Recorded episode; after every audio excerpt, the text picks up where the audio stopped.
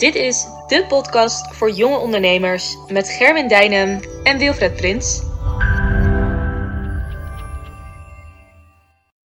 Zo, weer een nieuwe podcast, uh, Wilfred. Leuk, ik heb er zin aan. Yes. Hey, ik, ik had, uh, uh, even, zat even te kijken. Voor mij hadden we een vraag binnengekregen van Raoul op ons e-learning platform Huddle. en hij vroeg zich af, hoe ga je nou eigenlijk om met negatieve overtuigingen? Voordat we helemaal brand, uh, losbranden, wou ik je eigenlijk vragen hè, voor de uh, luisteraars die misschien niet helemaal bekend zijn met, uh, met ons vakgebied, is wat zijn eigenlijk nou negatieve overtuigingen? Hoe zou je dat kunnen omschrijven? Nou, dat zijn dingen die jij steeds voor jezelf blijft herhalen, waar jij in gelooft. Dus eigenlijk jouw referentiekader, hetgeen wat jij denkt dat waar is. En negatieve overtuigingen betekent dat jij um, ergens in bent gaan geloven vanuit het negatieve. Ja, en dan misschien hè, nogal, in die zin nog praktisch inderdaad het stemmetje in je hoofd. Dat als je in een bepaalde situatie terechtkomt, ik noem, uh, uh, je gaat een, uh, moet een toets maken we hebben, voor je een tentamen. En dat je eigenlijk vooraf denkt van ja, dit gaat me niet worden. Dit is een hele moeilijke toets, moeilijk vak, dit gaat me nooit lukken. Terwijl soms is de vraag, waar is het nou eigenlijk op gebaseerd? En de vraag is van hoe ga je om met negatieve overtuigingen? En dat is denk ik uh, niet eens zo heel moeilijk. Maar uh, heeft ook, we hebben wel vaker bewustwording genoemd. En dat is wel stap 1, dat jij uh, ook de relatie weet tussen je gedachten en overtuigingen. Want overtuigingen ontstaan door, uh, door je eigen gedachten. Dus jij maakt, de, ja, op je, je maakt dingen mee in de wereld. En zo ga jij dingen, zeg maar, analyseren in je hoofd. En als je bewust wordt van die stem in je hoofd, wat je de hele tijd tegen jezelf zegt, dan kom je erachter dat, um, ja, dat waar jij zelf in gaat geloven uiteindelijk ook de waarheid is. Of dit nou positief of negatief is. En er wordt gevraagd van hoe ga je dan om met negatieve overtuigingen? Nou, door gewoon te weten wat stop ik eigenlijk net in mijn hoofd. Schrijf het eens op. Dat is eigenlijk de eerste tip. Wat denk ik eigenlijk diep van binnen als ik in de spiegel kijk, bijvoorbeeld over mezelf? Hoe denk ik over mezelf? En het kan best wel confronterend zijn als je erachter komt van hé, je legt nou misschien wel onzekerheden bloot hè, wel negatieve overtuigingen. Dat heeft eigenlijk vaak wel met dat soort dingen te maken. Dat jij door afwijzing of door het verleden of door uh, bepaalde dingen die je hebt meegemaakt, ga jij denken van, oh, dan trek jij conclusies. En dat zijn gedachten. En als jij daarvan af wil, dan dien je dus dat ten eerste eens op te schrijven, bewustwording. En ook de volgende stap is eigenlijk verantwoordelijkheid nemen voordat jij zelf ja, je bepaalt zelf wat jij in je, in je, in je hoofd stopt. Je, je hebt een, eigenlijk een, een, een random stem in je hoofd die maar allemaal dingen roept. En als jij daar zelf in gaat geloven, ja, het gaat eigenlijk om verantwoordelijkheid nemen voor wat je erin stopt. Want als jij weet van dat alles wat jij maar vaak genoeg blijft herhalen, dat dat een overtuiging wordt dan, dan ga je niet meer negatieve gedachten toelaten. Dus als je, dan ga je eigenlijk je brein en hè, Napoleon Hill, schrijver van Think and Grow Rich, die heeft het natuurlijk heel erg mooi uh, verwoord. Je, je, van 80% gaat op de automatische piloot. Alles gaat automatisch en uh, van 20% ben je eigenlijk maar bewust. En door autosuggestie, noemt hij dat, ga jij je onder, kan je je onderbewustzijn beïnvloeden. En kun je die negatieve overtuigingen beïnvloeden door ja, visualisatieoefeningen. Dus dat is eigenlijk ook de tweede tip. Je moet je eerst bewust worden van, van je van je, van je denken. En de tweede stap is dat je gaat, um, dat je begint namelijk alles begint met de gedachte, dat je nieuw, nieuwe overtuigingen gaat implementeren, om het zo maar te zeggen, door nieuwe dingen te blijven herhalen. En dat zijn dan positieve overtuigingen. Dus de verantwoordelijkheid nemen om een oud oude negatieve overtuiging ten aanzien van jezelf los te laten. En iets waar je denkt, hier wil ik in geloven. Want ik ben me ervan bewust dat als ik hierin ga geloven, dat het me verder gaat brengen. En ik denk dat het trouwens ook heel belangrijk is om dan, want het is een gevolg daarvan, en dat is dan stap drie, is het resultaat meten. En aan het resultaat afmeten of jij nieuwe overtuigingen hebt geïmplementeerd. Want als jij zelf leert om, om, om um, ja, het, het, eindresultaat voor je te zien en nieuwe dingen te gaan geloven en daar overtuigd van te raken, dan zullen dingen ook naar je toe komen. En je brein werkt heel. Die, die werkt gewoon als volgt. Hè? Die reageert gewoon op wat jij de hele tijd voor jezelf blijft herhalen.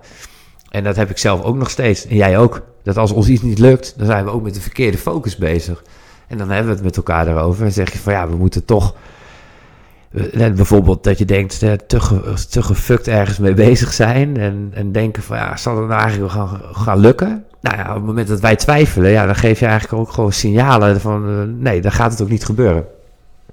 Dus ehm, ja, dat is eigenlijk in, even in het kort hoe, hoe je met, van negatieve overtuigingen eh afscheid neemt. Het is heel hard werken, want je moet gewoon oefenen. Je moet elke dag gewoon gaan visualiseren. Eh, bewust ermee bezig wat je in je hoofd stopt.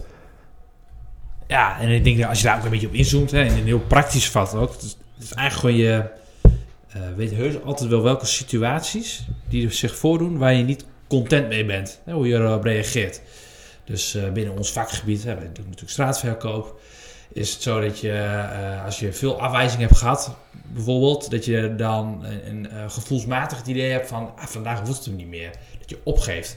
En dat je denkt van, ja, dit, dit- vandaag is mijn dag niet, ik zit er niet goed in. En dan, nou ja, hè, dat zeg maar dan de gedachte die dan door je hoofd heen gaat.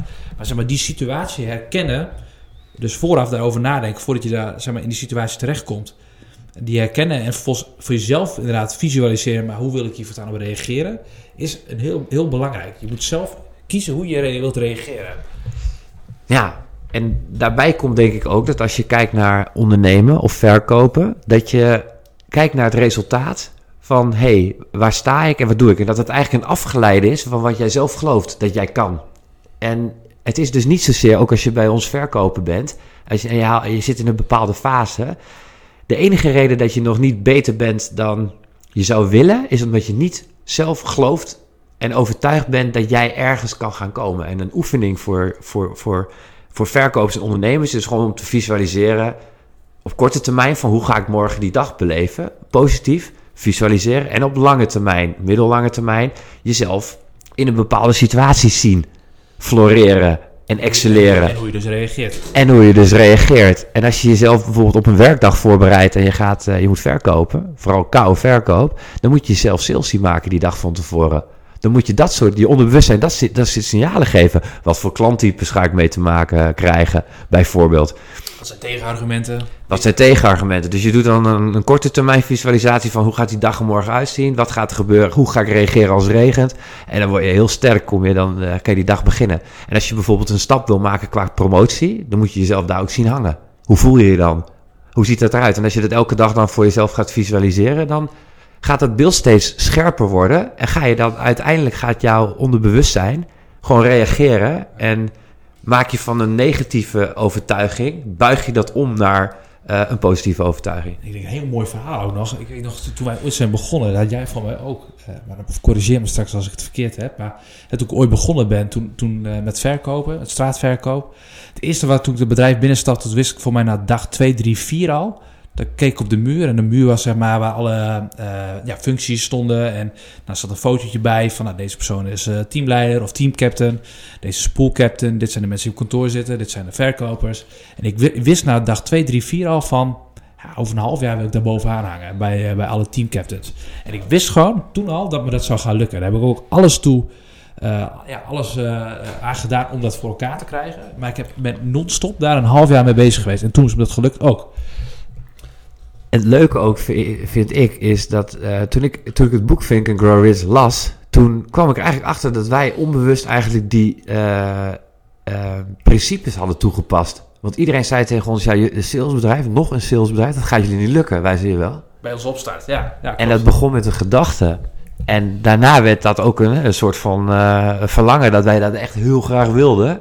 En dat op een gegeven moment was er geen spel meer tussen te krijgen. En die overtuiging groeide. En dat vond ik heel cool om te te- erachter te komen. Dat ik dacht, vrek, dat hebben we al een keer gedaan. En ik denk dat, Nou, tenminste, dat is een mooi verhaal toch? Met onze eerste, of tenminste niet eerste klantgesprek, maar in ieder geval ons meest succesvolle klantgesprek qua beleving.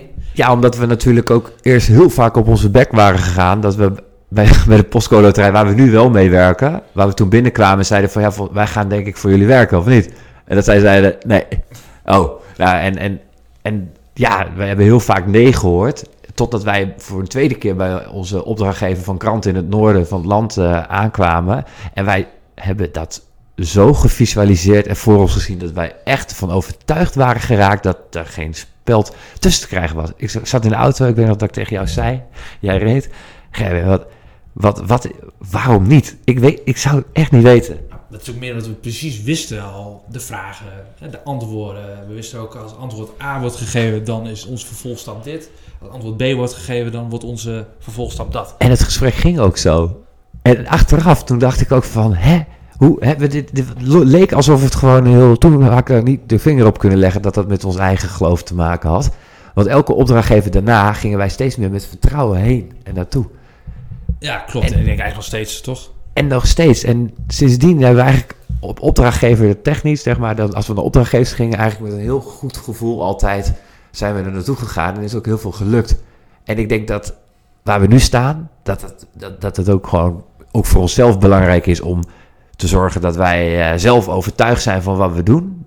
En niet gewoon een klein beetje, maar gewoon geloven in onszelf van dit is waar we naartoe gaan en dan zal het uiteindelijk ook eh, gaan gebeuren. Gaan wij gewoon dan gaan wij eh, eh, onze eigen toekomst creëren. Want daar komt het op neer.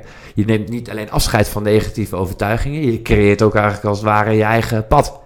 Je breekt er een beetje doorheen. Je kraakt als het ware de wetten van het universum. Ja, mooi gezegd. En misschien nog ook een hele leuke tip.